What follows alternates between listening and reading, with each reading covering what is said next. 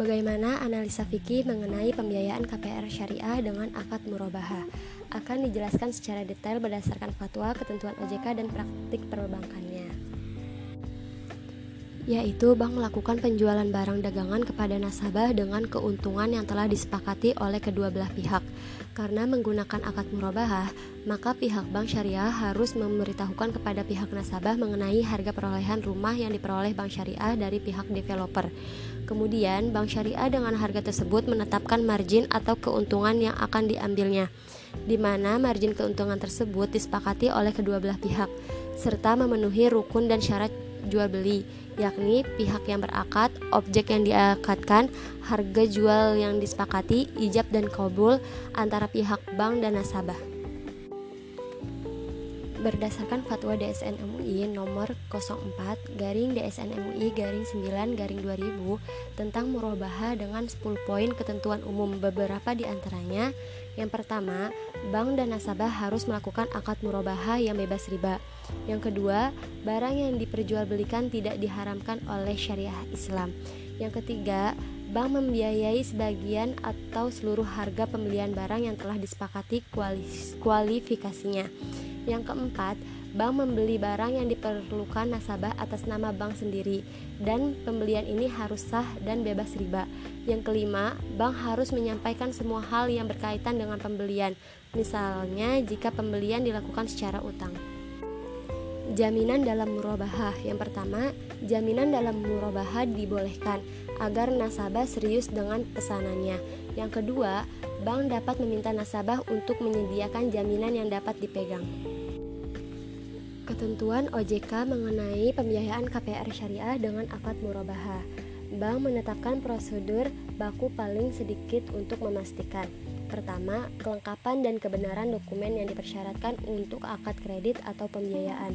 Yang kedua, terdapatnya surat keterangan resmi atau cover note dari notaris yang menyatakan bahwa seluruh berkas agunan asli yang belum diterima masih digunakan dalam proses administrasi di instansi pemerintah yang berwenangan dan akan diserahkan kepada bank pada waktu yang sudah disepakati setelah proses administrasi dimaksud selesai dilakukan.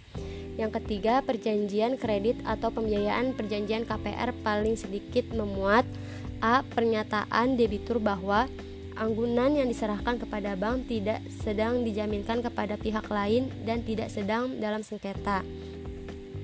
Dan yang kedua, tidak menjaminkan kembali agunan yang telah diserahkan kepada bank.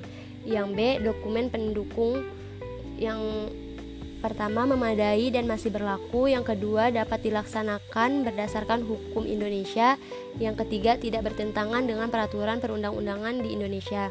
Yang C, klausula yang menetapkan hubungan antara kreditur dengan debitur serta penyertaan jaminan antara kreditur awal KPR dengan debitur terkait yang dinyatakan berakhir. Dalam hal terdapat dalam hal terdapat pelunasan penuh atas jumlah yang dibayar oleh debitur berdasarkan perjanjian KPR.